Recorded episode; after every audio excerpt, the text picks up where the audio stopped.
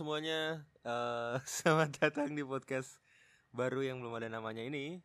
Uh, gua Berry. Gue Emil.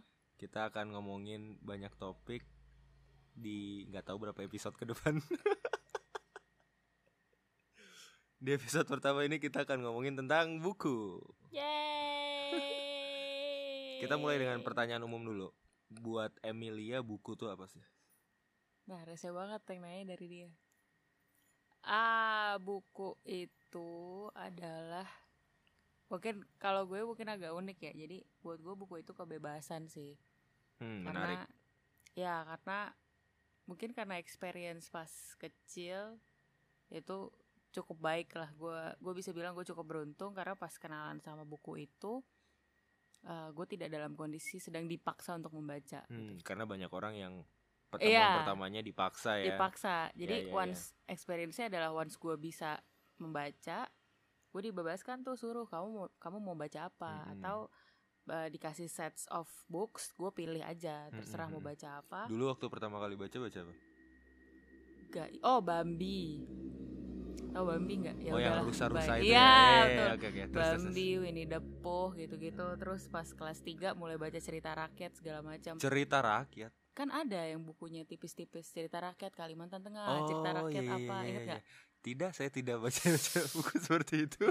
Tuh.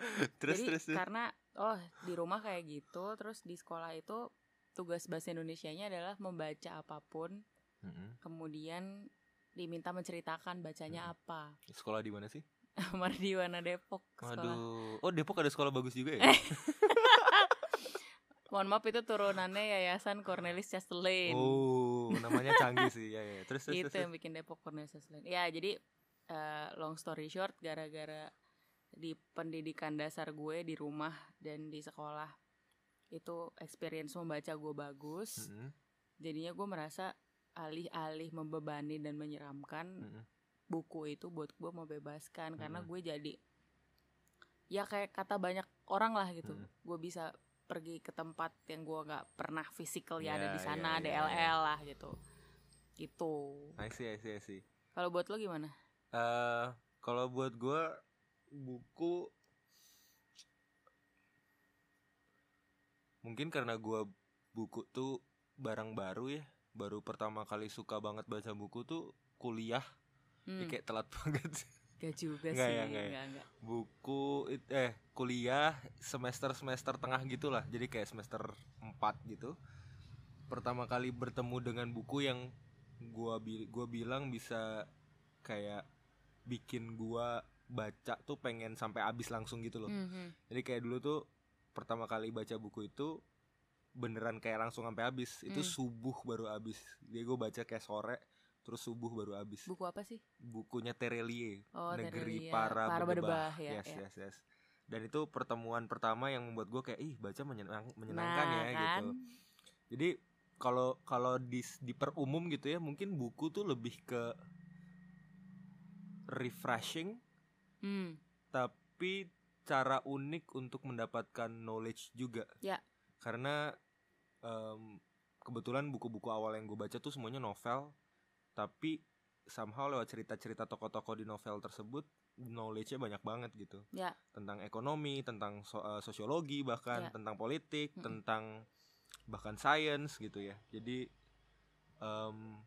gue bisa bertemu dengan ilmu-ilmu pengetahuan dengan cara yang sama sekali berbeda dari yang Mm-mm. gue dapatkan di kelas-kelas Mm. gitu jadi kayak um, ya it's it's another new and fresher way to learn about things saja gitu Hmm.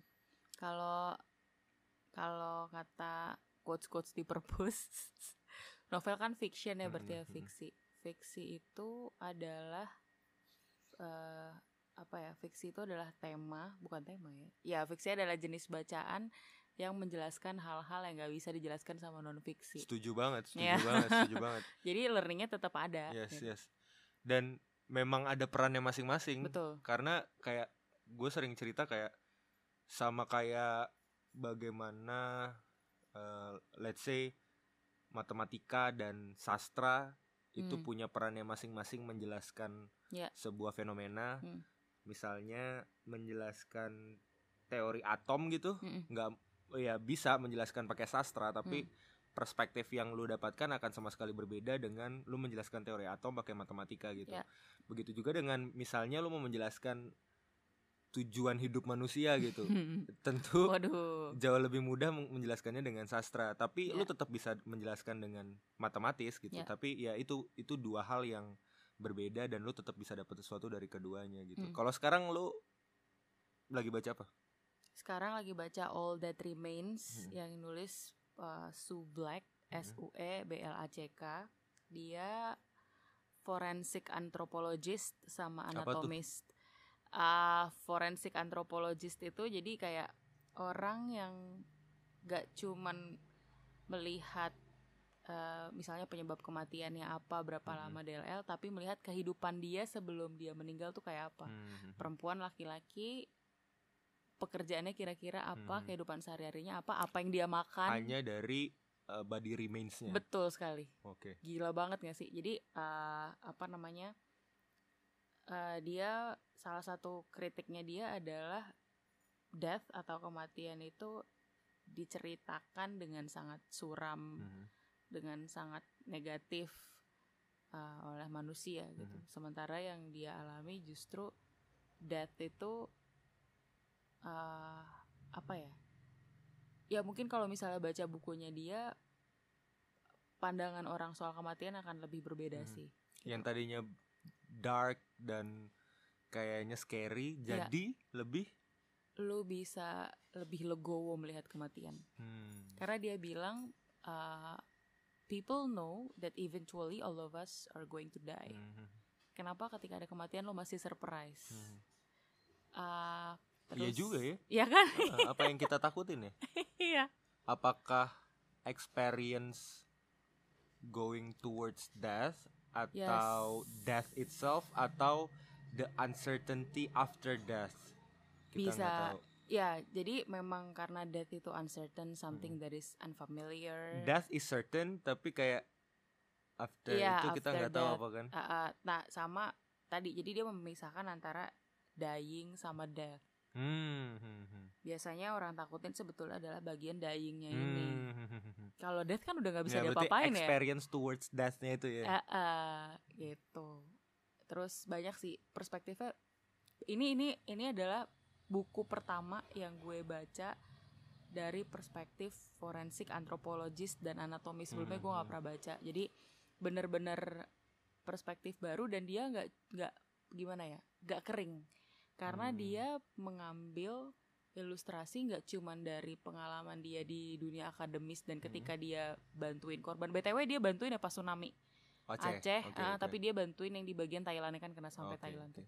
2004 ya. Yes, kalau tapi juga dia cerita soal pengalaman dia sendiri personally ketika dia eh, ketemu kematian yang orang-orang terdekat yang meninggal. Hmm, hmm, hmm. Paman, Makanya nggak kering. bapak, makanya nggak kering yes, gitu. yes, yes.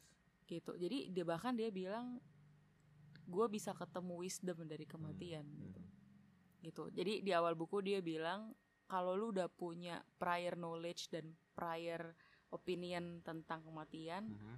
please please sebelum lu buka chapter berikutnya lu hold dulu itu semua dan lu Hmm, hmm, hmm, masuk ke journey gua. ah, Lo coba lo cobain ada di kehidupan Ah, gua ah, gitu. And it works really really well gitu. Mhm. I guess that's the magic of books ya kayak lu Mhm. bisa nyelemin pikiran orang gitu. Hmm, Kayak hmm. apa ya lu uh, voluntarily gitu secara sukarela lu mendengarkan orang karena tuh banyak ya berbab-bab Hmm. gitu ya lu secara sukarela mendengarkan orang ngomongin hal yang mungkin di beberapa bagian lo nggak setuju gitu tapi kayak you keep listening you keep listening Hmm. gitu dan dari situ kita belajar dan lu berharap expect dan percaya bahwa walaupun ada beberapa bagian yang nggak sesuai dengan lu eventually lu tetap akan belajar sesuatu dari buku tersebut oh gitu ya. bahkan sebelum selesai pun gue udah belajar dari setiap Yes, yes, chapter gue yes, belajar yes, gitu yes. Eh, apa apa part forensik antropologi yang memperkaya perspektif dia dan perspektif lu pada akhirnya ketika baca itu ada nggak sih kayak sesuatu yang specifically ini perspektifnya forensik antropologi nih ngomongin death-nya Ah, iya jadi kan kalau gue tahu mati ya udah mati aja gitu Mhm. kan ya. Dia tuh ngejelasin bahwa mati pun ada prosesnya, Mhm. ada tujuh stages gitu. Hmm, hmm, hmm. Jadi rigor mortis terus banyak lah Itu istilah istilah Latin ya? istilah Oh, Latin oke, jadi blue pale paleness of death Hmm, hmm. stiffness of death Itu itu prosesnya lebih ke biologis, psikologis Nggak, atau biologis biologis. Jadi kayak tubuh kita tuh mengalami apa Betul. gitu. betul betul Eh, terus kemudian eh, apa namanya dan yang paling menarik adalah ketika dia ngeluarin perspektif forensik antropologisnya Hmm, jadi hmm. dia katanya pernah ketemu eh apa namanya pernah ketemu tulang Mhm. terus eh, abis itu dari bentukan tulangnya dia tahu itu perempuan Mhm. meninggalnya muda Mhm. dan pada waktu itu zaman industrial revolution itu banyak banget prostitusi anak Hmm, hmm, hmm, hmm. dan sama rekannya dia rekannya ini yang bisa merekonstruksi bentuk wajah gitu ya jadi anaknya ini disinyalir meninggal karena penyakit Oke. sebelumnya diperkosa oke. kemudian dapat penyakit juga terus gak cuma direkonstruksi ketika dia hidup dan sakit tapi Hmm. direkonstruksi gimana kalau kondisi dia dalam keadaan sehat I see. dan itu, Itu rekonstruksinya dalam bentuk cerita. gambar Oh, gambar. oh enggak dia di pokoknya kan dia kayak sebenarnya punya serial film gitu Oh. nah itu digambarin di situ tapi ya gue baca Iya, gitu iya, iya, tulisan iya, iya. Filmnya apa? Ingat nggak? aduh lupa Oke, judulnya oke. gitu Bisa nah googling lah ya. bisa googling nah tapi itu jadi sebuah apa ya lu lu nggak ngelihat tulang sekedar tulang gitu Mhm. Terus Ya, ya, eh, lu melihat tulang tuh bagian ini dulu orang ya, gitu part of story of someone gitu ya. Ah, ah, ini story of someone dan ini kritik besar gitu Kritik gimana tuh? kritik besar dalam artian eh, lu bayangin deh bahwa ini adalah orang yang mungkin berarti buat seseorang di masa lalu Menarik. terus kemudian dia meninggal karena prostitusi anak lu kebayang nggak sampai anak jadi prostitut apa eh, jadi prostitut, pekerja benar. ya ah, itu gimana lu kebayang nggak ketika meninggal ada siapa sampai akhirnya dia ditemukan sekarang tulang belulangnya gitu jadi wah itu gua langsung itu gue main blown sih kayak Hmm. gua nggak pernah lihat tulang dengan Bukan orang Batak banyak tulang. ya? Iya. tulang dan tulang. ya Oh, iya, iya. Nggak lucu ya, mohon maaf ya teman-teman ya.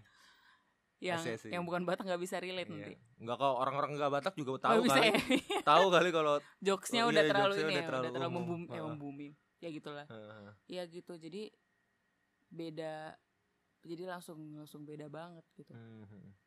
cara ngelihatnya terus eh banyak sih banyak sih terus dia juga cerita soal personal death Mhm. yaitu yang ketika Maksudnya apa ayah, tuh personal ayah death? dan ibunya Oh. meninggal Kematian dari seorang dia yang, yang- dekat gitu eh, ya. eh, yang eh, personal bagi banget dia gitu. bagi dia tuh death jadi personal Oke, oke. gitu terus eh, apa namanya ya dia bilang lah kayak gue emang udah belajar soal anatomi gue Mhm. belajar soal apa gitu tapi itu nggak menjadikan gue mati rasa dengan kesedihan ketika Yes, yes, ya yes. gitu Karena beda kan, lu menganalisis sebuah kejadian dari perspektif akademik yang biasanya detach Iya dengan sub, eh, objek atau subjeknya. Betul, dan Tapi ini sekarang lo lu jadi kenal. ya, jadi first personnya gitu. iya tapi tetap sih keren maksudnya jadi dia mencoba untuk eh gue jadi cerita soal All the Tremens kan jadinya Enggak apa-apa, enggak apa-apa. Iya, jadi dia cerita Emang itu kan dari tadi kan kayak lu cerita buku lagi eh, baca. jadi dia cerita gimana dia manage quote and quote manage the feeling dan pada akhirnya dia bisa bersahabat dengan kematian sih Mhm, gitu jadi bahkan dia bilang it was warm mhm. uh, gue sedih gue nangis tapi gue lepas gitu Mhm. karena eh iyalah jadi kayak dia dia ya apa ya dari segala hidup yang udah dia jalanin dia udah bisa ngelihat that dalam perspektif yang berbeda Mhm, gitu. mhm. dia bisa ngelihat that sebagai bagian dari prosesnya hidup jadi bukan Hmm. berlawanan dengan hidup Hmm, Gitu. menarik banget.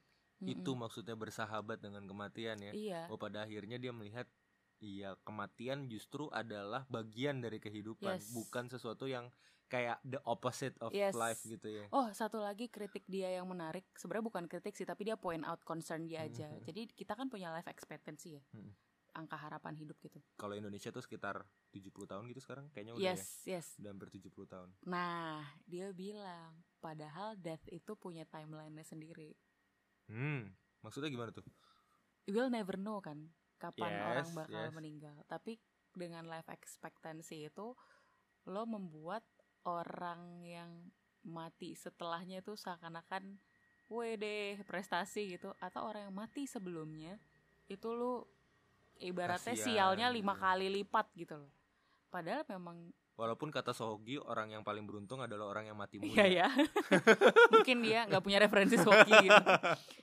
Iya, tapi dia bilang ya life expectancy itu kan juga dibuat berdasarkan statistik ya gitu. Mhm. Jadi semua pun juga bisa kena randomness dari konsekuensi random dari statistik gitu. Yes. Lu nggak bisa pukul rata. Maksudnya gimana ya? Ya nggak ada yang bisa menjamin bahwa Yes. lu akan jadi bagian dari misalnya kalau Indonesia tuh yang meninggal 70 tahunan gitu. Yes. Ya tapi itu itu menurut gua the tricky part of statistics ya Hmm. bahwa statistika tuh kesimpulan yang dapat dari sebuah studi statistika which is basically all scientific facts itu semuanya statistics Mm-mm. uh, statistical Hmm. itu adalah orang tuh mereng- menganggap fakta-fakta statistik tuh adalah Mutlak. kasus-kasus individu Nah, Misalnya, gue bikin studi statistik bahwa uh, oh guru itu tingkat stresnya lebih tinggi dibandingkan uh, pekerja-pekerja lain. Itu ada anyway studinya. Hmm. Dan menganggap bahwa berarti setiap guru itu pasti lebih stres dibandingkan setiap pekerja lainnya. Hmm. Padahal kan enggak ya. Ya, itu kan statistical tuh berarti ngomongin fakta sebuah populasi yang ukurannya besar sekali gitu ya. dan lebih lagi tuh sebenarnya ngomongin ya model matematika yang sangat-sangat ya. terbatas sebenarnya Ya. gitu yang ada banyak asumsi-asumsi yang dibuat gitu dan Hmm. dalam hal life expectancy itu juga terjadi kan Ya, nah kenapa dia uh, raise that concern? Karena menurut dia life expectancy ini dijadikan again quote and quote pedomannya orang Ya, ketika ya, melihat ya. soal oh 68 tahun berarti gue harus sekarang udah mulai siap-siap menyambut kematian ya padahal nggak juga ada gitu. yang sampai 100 tahun juga betul gitu. dan ada yang ya masih sangat muda gitu ya Yes. bahkan ada apa kematian bayi juga masih Yes, ada gitu masih kan. banyak. jadi eh ya jadi itu dia raise that concern Menarik. gitu. itu itu itu sangat sangat sangat sangat membuka pikiran gue sih Mhm. soal kematian. Karena gue nggak pernah sebelumnya gue nggak pernah baca buku yang bahas soal kematian dari eh, perspektif science. Oke. Dan culture. Karena kan dia juga antropologis yes, gitu ya, dan yes. culture gitu. Cara ngelihat orang. Ini hebat banget sih. Maksudnya kayak orang mati ya well kalau or- orang kan kayak agak sebelah bukan sebelah mata ya kayak ya udah orang mati udah berhenti relevansinya Yes, gitu kan. yes. dia tuh enggak gitu. Gitu. Jadi keren banget menarik statement bahwa umumnya orang menganggap ketika orang sudah mati sudah tidak relevan lagi. Hmm. padahal faktanya tidak ya bahwa Hmm. justru kalau ngomongin referensi film Coco tuh apa bacanya Coco apa Koko sih? Koko Koko Coco. Coco jadi kayak Coco chip. Iya. Ya maksudnya Koko tuh kan berhasil menggambarkan bahwa seha- sehabis kematian pun eh, lu hidup di dalam orang-orang yang menyayangi lu dan itu berarti lu masih relevan gitu kan nah exactly jadi eh apa namanya dia bahkan berhasil memperluas itu hmm, hmm. jadi itu kan relevan buat ini kan ya maksudnya buat orang-orang yang yang sayang hmm, hmm. tapi misal ketika dia ketemu uh, anak perempuan Hmm. yang tadi jadi yang prostitut uh-uh, itu tadi. yang prostitut tadi betul bahwa mungkin anak ini berarti banget buat beberapa Hmm, orang di masanya tapi dia juga bisa take tulang belulang ini ke masa sekarang dan lo udah bener belum sih ngurusin sekarang masa sekarang untuk Yes, anak-anak yes, perempuan yes, hak anak-anak gitu. Jadi dia bisa take wah gitu. Hebat banget sih. Yes, yes. Jadi dan kata itu di- anak ah. tuh orang biasa gitu ya itu orang biasa yes yes common people gitu Iya itu kawan Uh, people. Itu Menarik, hebat menarik. Hmm. banget. Jadi terus bahkan dia juga ketemu kayak di pantai itu di daerah Ireland atau Scotland ya. Ya pokoknya atas-atas Hmm. UK atas-atas itu. Nah, waktu itu dia ketemu sama again tulang belulang yang dia ngelihat ada luka trauma di apa tengkorak gitu. Mhm. Dan dia ternyata setelah di apa namanya setelah dicari tahu itu hasil kekerasan Hmm, hmm, hmm. Again jadi dia raise this issue gitu. Jadi ada kayak, ya ya, ya. "Ah, jadi wah keren banget sih. Hubungannya dengan kehidupan sekarang apa? Maksudnya buku ini dampaknya terhadap lu di masa kini itu Emilia di masa kini itu apa? Eh, kan gue baca buku ini juga kan setelah bokap meninggal tahun Mhm, ini I have this racing curiosity on death ya. Mhm. dan uh, ya I've been reading articles and Mhm. stuff. tapi uh, yang beda dari buku ini adalah tadi gitu gue disajikan dengan uh, cara melihat kematian dengan perspektif yang berbeda Mhm, mhm. gitu Uh, dan gak cuman masalah kematiannya dia juga ngerti bahwa kematian itu lekat dengan loss atau grief Hmm, dan dia hmm, hmm. state bahwa research bilang loss sama grief itu nggak akan benar-benar hilang dalam hidup loh bahkan Yes. it stays Yes. jadi uh, pertama gue jadi lebih legowo dan oh gue nggak aneh-aneh banget dan gue nggak perlu Yeah. memperlakukan Iya, grief iya, itu iya. sebagai Kok- satu iya. penyakit gitu jadi ya gua nggak masih apa-apa ini ya iya gitu, gitu ya. gitu terus uh, apa namanya ya gue jadi ngeliat kematian as part of life Hmm, hmm, hmm. dan jadi living life to the fullest sih karena kan dia bilang that that has its own timeline ya Mhm. bukan kita yang request gitu kan jadi ya itu living life to the fullest sama mungkin ya banyak ba- banyak hal sih kayak some as for now gitu ya the Hmm. only certainty that we have kan that we are all gonna die Hmm. itu kan as for now As for now. as for now Wow, ada harapan bahwa itu tidak akan terjadi di loh saya nggak saya nggak tahu saya Oh, iya, iya, tetap benar, terbuka dengan kemungkinan kemungkinan gitu. Science bisa jadi betul saya nggak ngerti ntar mati ya. bisa aja konsep mati nanti berubah kan saya nggak wow. tahu ya saya nggak tahu Kita perlu episode yang lain untuk membahas itu. Oke, lanjut ya dulu. jadi ya at least berhasil lah mengubah banyak sekali pandangan pandangan gue soal hidup soal kematian soal grieving soal culture Mhm, soal never take thing for granted mhm. soal bahwa kita semua kur apa berhubungan connected to each Mhm. other gitu kayak gila lo tulang belulang ratusan tahun Yes. isunya bisa lo angkat ke tahun Yes. 2000 wah gila sih itu Yes, yes, yes. gitu sih Menarik. lu baca buku nggak kan sibuk masih sempet gak baca buku Masih, masih, Asik. masih sempat. baca apa Tapi sekarang karena pekerjaan terlalu emosional ya, hmm. justru sedang membaca buku yang kering supaya saya bisa detach dengan realitas. Sekarang lagi baca buku yang ditulis sama Terence Tao. Terence Tao tuh profesor matematika di eh, UCLA. Hmm. Dia field medalist tahun Uh. 2000 sekian lah. Field field medal buat yang belum tahu field medal tuh eh, semacam Nobel Hmm. buat matematikawan, tapi beda sama Nobel karena field medal itu dibatasin umurnya Hmm. maksimal 40 tahun karena gue juga nggak tahu sih tapi mungkin salah satu argumennya adalah eh, matematikawan tuh dipandang periode briliannya adalah periode sampai 40 oh tahun baik ada periode Gitu. brilian Yes, ya karena biasanya eh, le- lewat dari 40 tahun udah mulai apa tremor udah mulai tremor otaknya sudah tidak functioning dengan sepenuhnya gitu ya jadi field medal tuh diberikan untuk matematikawan yang sudah punya kontribusi Hmm. tapi umurnya masih kurang dari 40 tahun. Kalau yang kalau yang leb- bisa seumur hidup itu namanya Abel Prize Hmm. yang setara juga sama Nobel. Tapi ya ini Terence Tao ini salah satu field medalist. Eh, dia tentu saja sangat jenius. Em, dan dia nulis buku judulnya Solving Mathematical Problems. Jadi Hmm. basically eh, dia sharing perjalanan dia em, dan teknik-teknik yang dia pakai menyelesaikan banyak permasa banyak gak permasalahan kering matematika. dong kalau gitu Enggak kering kering karena tulisannya dia tuh bener-bener teknikal banget. Jadi I tidak ada tidak ada tidak terlalu banyak lah personal story bahkan hampir tidak ada personal story-nya. Jadi kalau baca bukunya dia tuh beneran kayak textbook sebenarnya almost kayak textbook. Hmm. Tapi tidak textbook karena lu tahu di balik itu ini pengalamannya dia sebenarnya Hmm. gitu. Jadi em, ya banyak lah dia dia banyak ngasih strategi-strategi dari bentuk-bentuk permasalahan matematis yang paling sederhana eh, sampai yang paling rumit dan bahkan menjelaskan persalahan ma- permasalahan matematis tuh ada macam apa aja sih gitu pertanyaan-pertanyaan matematis tuh ada macamnya kayak gimana aja dan setiap bentuk pertanyaan itu eh, seperti apa cara menyelesaikannya menarik karena uh, knowing that dia adalah salah satu yang paling jenius yang masih hidup Hmm. sekarang um, dan dia sedang dalam sebuah project Hmm. atau program untuk menyelesaikan salah satu dari Seven Millennium Problem sebenarnya dia yang salah satu paling Hmm. paling dianggap mungkin untuk bisa mencapai itu yang masih hidup sekarang Seven Millennium Problems anyway adalah tujuh masalah yang tahun 2001 enggak tahun 2000 eh, di jadi milenium yang baru Ya.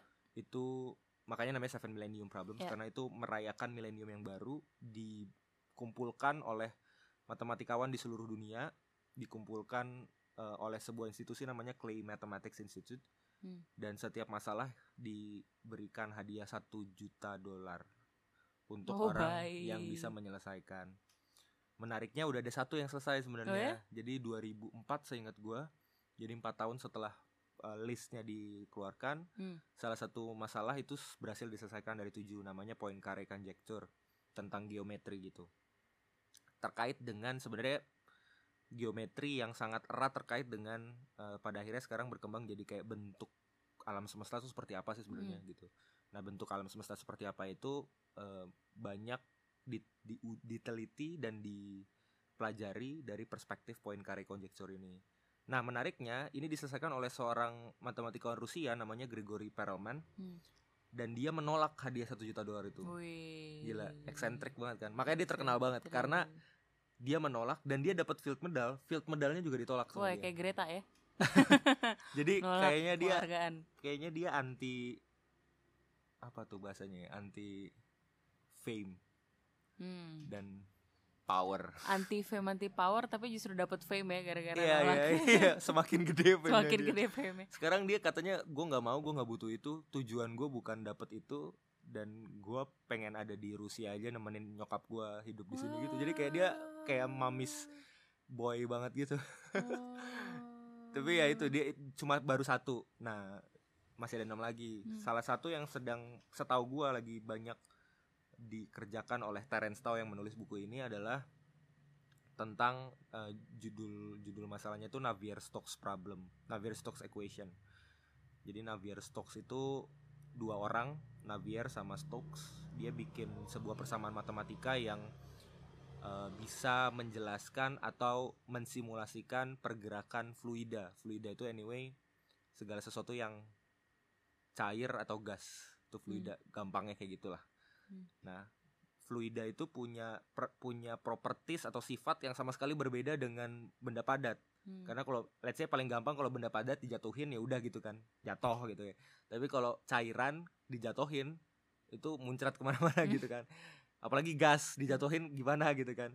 Jadi secara properties atau sifat dan perilakunya itu beda banget. Makanya persamaannya tuh jauh lebih rumit dibandingkan mekanika eh, benda-benda padat gitu ya. Mekanika benda-benda cair dan gas atau kita sebutnya fluida itu lebih rumit. Dan walaupun kita udah bisa bikin pesawat, bisa bikin kapal laut yang bahkan bisa bikin space shuttle yang canggih-canggih yang menggunakan dan memanipulasi prinsip-prinsip fluida, Mm. tapi sebenarnya persamaan dasarnya kita belum paham banget. Jadi we don't completely understand how fluids works. Oh, Oke. Makanya em, misalnya di pesawat itu kita punya fenomena turbulensi misalnya. Iya. Mak kenapa turbulensi masih ada? Karena kita nggak tahu kenapa turbulensi itu terjadi. Hmm. Kita nggak completely understand. Makanya pesawat belum bisa didesain untuk mengatasi turbulensi Hmm. dan menghilangkan turbulensi. Hmm.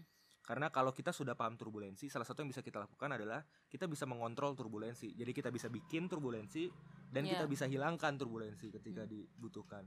Nah, masalahnya kita belum ngerti. Jadi ketika naik pesawat turbulensi ada ya udah terima aja gitu. Hmm. Nah, eh, dianggap bahwa ketika kita bisa menyelesaikan permasalahan Navier-Stokes ini, em, kita bisa ya bisa kemudian memanipulasi fluida jauh lebih ekstrim lagi gitu. Jadi kayak masalah-masalah tentang pesawat terbang, tentang space shuttle, tentang ya basically fluida apa pun, tentang minyak, tentang gunung berapi itu kita bisa pahami lebih jauh. Dan kalau dalam dunia sains memahami itu berarti memanipulasi sebenarnya.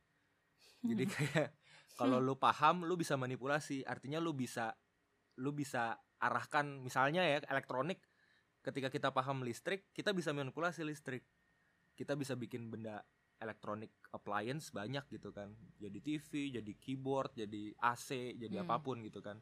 Jadi recorder ini gitu. Nah itu karena kita paham gimana elektromagnetik bekerja. Nah ketika kita paham bagaimana fluida bekerja kita juga bisa manipulasi. Sebagaimana kita belum paham bagaimana gravitasi bekerja. Makanya kita belum bisa manipulasi gravitasi.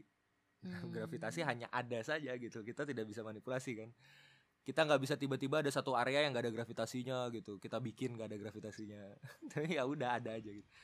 Nah biasanya pemahaman penuh itu beriringan dengan kemampuan manusia memanipulasi dan mengontrol dalam tanda kutip fenomena-fenomena alam tersebut gitu untuk kepentingan manusia gitu ya Nah berarti tadi nggak salah kalau gue bilang as for now the Iya, iya. only certainty is we're all gonna die. Iya, gitu iya, ya. iya, iya. Mungkin karena kita belum punya complete understanding iya. about that. Kalau udah punya, mungkin mungkin mungkin tentang consciousness Mm-mm. tentang kayak gitu-gitu mungkin mungkin ya tapi buku solving mathematical problems ini memang kering banget tapi I think I need this kind of book for now menarik bahwa eh, bahkan tujuan orang baca tuh bisa macam-macam Yes. gitu.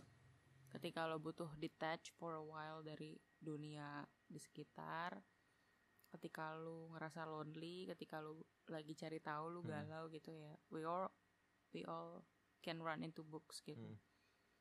Dan menurut gue harusnya eh tadi gue balik lagi ke konsep awal gue. Kebebasan itulah yang harusnya ditawarkan ke semua orang gitu. Mhm. Eh gue ya tadi ya banyak banyak orang yang experience membacanya akhirnya jadi buruk karena dipaksa gitu Mhm. makanya gue bilang lo baru suka baca pas kuliah gue bilang nggak telat Hmm. karena sebenarnya nggak ada yang telat dalam membaca Mhm. gitu mungkin selama ini lagi apes aja nggak pernah ketemu buku yang cocok Hmm. sama nggak pernah tahu ya gue lagi ya gue nggak tahu gue tujuannya mau ngapain ya gitu ya ya dan sedih sih padahal kalau dari awal lu udah dikasih kebebasan untuk membaca jamin deh gue gak usah disuruh-suruh itu orang udah Hmm. suka sendiri gitu. Hmm. curiosity-nya akan terbangun sendiri. Oke berarti kalau kita mungkin tutup aja dengan pesan untuk teman-teman yang belum terlalu suka baca justru justru kalau dari lu ada nggak sih? Hmm, yang kayaknya kalau dari perny- pernyataan lu tadi kan berarti hanya sekedar belum ketemu dengan buku yang mereka suka aja gitu. Mm-mm. pesan lu ada nggak buat mereka Eh, pertama sebetulnya buku itu nggak pernah maksa lu jadi lu nggak perlu takut sama buku Hmm. gitu pisahkan antara orang yang memaksa lo dengan aktivitas membaca itself Hmm. jangan takut untuk coba lagi dan lo nggak usah takut dijudge gitu apa pun buku yang lo suka apa pun bacaan yang lo suka ya udah baca aja Hmm. Dan gue membedakan waktu itu gue pernah ditanya bagaimana dengan orang-orang yang eh, tidak suka membaca gitu Hmm. nah gue mau bedain nih baca sebagai hobi sama baca sebagai eh, sarana bagi lo untuk berlatih gitu Hmm. baca itu kan membantu lo untuk memahami dan melatih kemampuan mengolah informasi kompleks. Mhm. Lu gak perlu ambil baca sebagai hobi lu, Mhm. Tapi menurut gue alangkah sedihnya ketika lu jadi membenci membaca karena ada benefit yang pada akhirnya tidak bisa lu dapatkan Hmm. karena sebetulnya ya bukan salah bukunya tapi Mhm. salah apa pun yang memaksa lu dan membuat lu akhirnya nggak suka males sama Hmm. buku gitu dan menurut gua sebuah masyarakat yang bebas adalah sebuah masyarakat yang bebas juga membaca Mhm.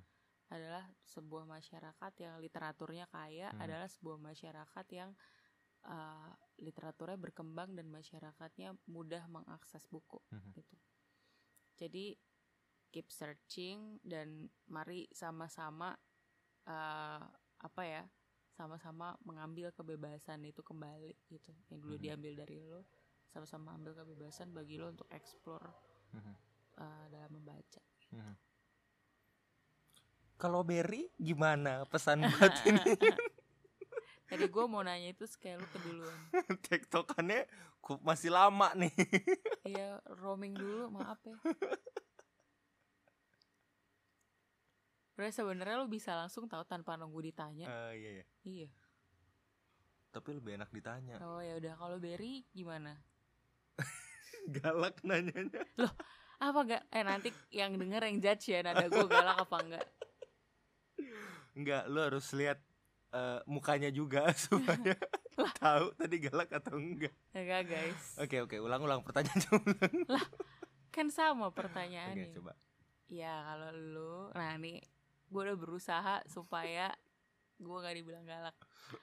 Kalau lo pesan dan mungkin harapan sih Hmm, buat eh, apa namanya teman-teman yang mungkin belum terlalu suka membaca dan buat kondisi membaca secara keseluruhan di Indonesia sih itu gimana Wah, bagian kedua dari pertanyaan lu susah. Jadi jawab bagian pertama dulu. tuh Bagian pertamanya mungkin pesan buat teman-teman yang lain. Em, kalau tadi Emil bilang bahwa konsisten dari awal ya bahwa membaca itu kebebasan, berarti kita harus rebut kembali kebebasan tersebut. Kalau gue lebih ke em, terus mencari aja, Hmm. karena gue cukup punya banyak teman yang menstate dirinya tidak suka membaca Hmm. dan buat gua eh, itu kalau pakai kata-kata lu tadi itu sebenarnya dia lagi dijajah somehow Hmm. dengan masa lalunya dia yang membuat dia tidak suka membaca Hmm. gua nggak tahu itu masa lalunya apa Eh, cuma eh, sesuai yang tadi kita bahas ini soal dia belum ketemu aja bacaan yang pas sama dia tuh Mm. apa dan eh, sayangnya mungkin situasi-situasi hidup lu yang mungkin belum ketemu dengan ba- bahan bacaan yang pas itu tidak mendorong lu untuk mencari sebenarnya. Jadi kayak nyaman aja gitu kayak ya gua nggak baca nggak apa-apa kok gitu. Iya ya benar gitu kan. Jadi kayak tidak ada urgensi tidak merasa ada urgensi bahwa Iya. gua harus baca. Iya. padahal menurut gua tidak membaca di zaman sekarang tuh sebuah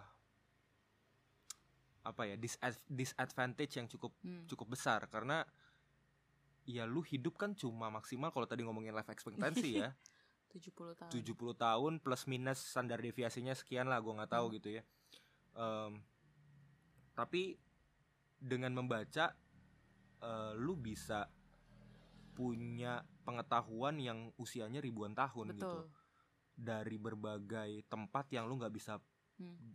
Datangi dari berbagai orang yang nggak bisa lu temui dan Hmm. lu bisa dapet pengetahuan mereka Eh, karena sayang sekali kalau lu hanya hidup berdasarkan pengalaman lu karena ya lu cuma punya Terbatas. 70 tahun Iya, gitu benar. jadi terbatas banget Hmm. kekuatan manusia itu kan pengetahuan kolektif ya Hmm. dan kalau lu tidak mengeksploitasi Mengakses, dan iya. mengakses per- pengetahuan kolektif tersebut lu sebenarnya tidak berkontribusi buat kemajuan pengetahuan manusia gitu kan oke karena lu riset basically lu riset dari mungkin mindset yang udah puluhan tahun atau ratusan tahun yang lalu kalau lu Hmm. nggak membaca dengan lu membaca sebenarnya lu men- me- me- melanjutkan Hmm. perjalanan manusia dan eh, mencoba mendorong lebih jauh lagi pengetahuan kolektif manusia tersebut Ya. supaya ada orang lagi di masa depan yang bisa mengakses pengetahuan kolektif ini Hmm. yang mungkin udah ada kontribusi lu nya gitu. Ya. Jadi tidak membaca gua rasa sih sebuah disadvantage disadvantage yang lumayan besar sebenarnya. Jadi Hmm. makanya tadi gue bilang eh, terus berusaha aja, terus berjuang aja. Walaupun lu nggak merasa ada urgensinya, itu bukan berarti itu nggak penting gitu. Jadi kayak lu mesti mesti lihat dalam perspektif yang lebih besar dari sekedar lu sebagai individu, tapi eh, kolektif manusia Hmm. pada umumnya. Gitu sih. Untuk bagian kedua, kondisi membaca secara umum di Indonesia ya tadi ya. Hmm. Em, menurut gue kita nggak perlu minder dengan fakta bahwa oh kok situasi literasi di Indonesia rendah sekali. Kalau waktu dulu kan kita sering bahas soal functional illiteracy ya, Hmm. bahwa tingkat buta hurufnya sudah rendah sekali, tapi functional illiteracy-nya tinggi. Hmm. Artinya kita bisa baca tapi kita nggak paham Hmm. apa yang kita baca. Menurut gua nggak usah minder karena it's just a process that we need to go through aja gitu. Hmm. bahwa ya sebagai negara berkembang yang peradabannya memang berkembang lebih telat dibandingkan peradaban yang lain dalam konteks literasi. Karena kan budaya kita memang budaya tutur ya lebih banyak ya. Ya nggak sih? Tutur iya tulis iya sih tulis juga ya? Cuman kan tulisannya diambilin. OISU bisa episode lain lagi guys. Iya iya iya. Ya pokoknya ya menurut gua nggak perlu minder. Jadi Hmm. kayak nggak perlu kayak wah literasi buruk lalu kita kayaknya jadinya lebih alih-alih mendorong diri dan teman-teman kita untuk lebih sering membaca, kita jadi kayak kok makin minder nih, makin kayak Hmm. pesimis dengan kondisi literasi di Indonesia. Kalau menurut gue sih sebagai orang-orang yang memang mungkin sudah tersentuh dengan bacaan-bacaan yang mungkin sudah membuat lu melek, eh, harusnya nadanya lebih optimis aja gitu bahwa eh, we just need to go through the effort and struggles untuk membantu teman-teman yang lain juga menemukan bahan ba- bacaan-bacaan yang relevan buat mereka yang juga berarti menemukan membantu mereka menemukan diri mereka sendiri apa yang mereka suka Hmm. karena gimana caranya bisa cari bacaan yang mereka suka kalau mereka nggak tahu apa yang mereka suka gitu kan Hmm. Eh, dan ya optimis aja gitu karena ya mungkin butuh waktu tapi nggak ada gunanya juga kita kayak mengutuk diri sendiri dan seterusnya gitu sih. Hmm. kalau lu? Dan mendukung jangan sampai buku dibakar-bakar lagi. Masalah yang sangat rumit sekali. Ya but anyway ya masih ada harapan tapi kalau gue pilih healthy skepticism sih. Oke gimana tuh? Ya nggak apa-apa karena gue skeptisismenya di bagian apa skeptisismnya di bagian environmentnya. Karena gue percaya kalau ngomongin Indonesia it's a push and pull effort between individual and the society gitu Mhm. kan. Ya, society ini yang gue bilang ekosistem atau Mhm. kondisi tadi. Ya kalau kondisinya gak dibangun kayak misalnya buku-buku pilihan bacaan yang gak banyak terus ya apa namanya penjualnya nggak banyak ya mau gimana gitu. Terus habis itu cara pengajarannya tetap dipaksa ya Hmm. repot kalau terus-terusan kayak gitu, gitu. ya tapi itu kecenderungan kita sekarang karena merasa literasinya jelek dan pes dan kayaknya pesimis terus kayak wah ini kita kebakaran jenggot. Dan akhirnya caranya approach-nya adalah dipaksa. Ya makanya ya nggak boleh kayak gitu sih.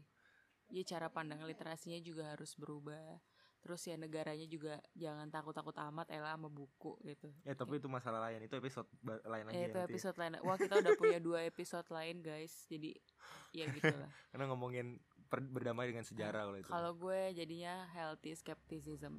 Karena ya toh dibilang enggak kok undang-undangnya udah bagus. Salah. Ya betul.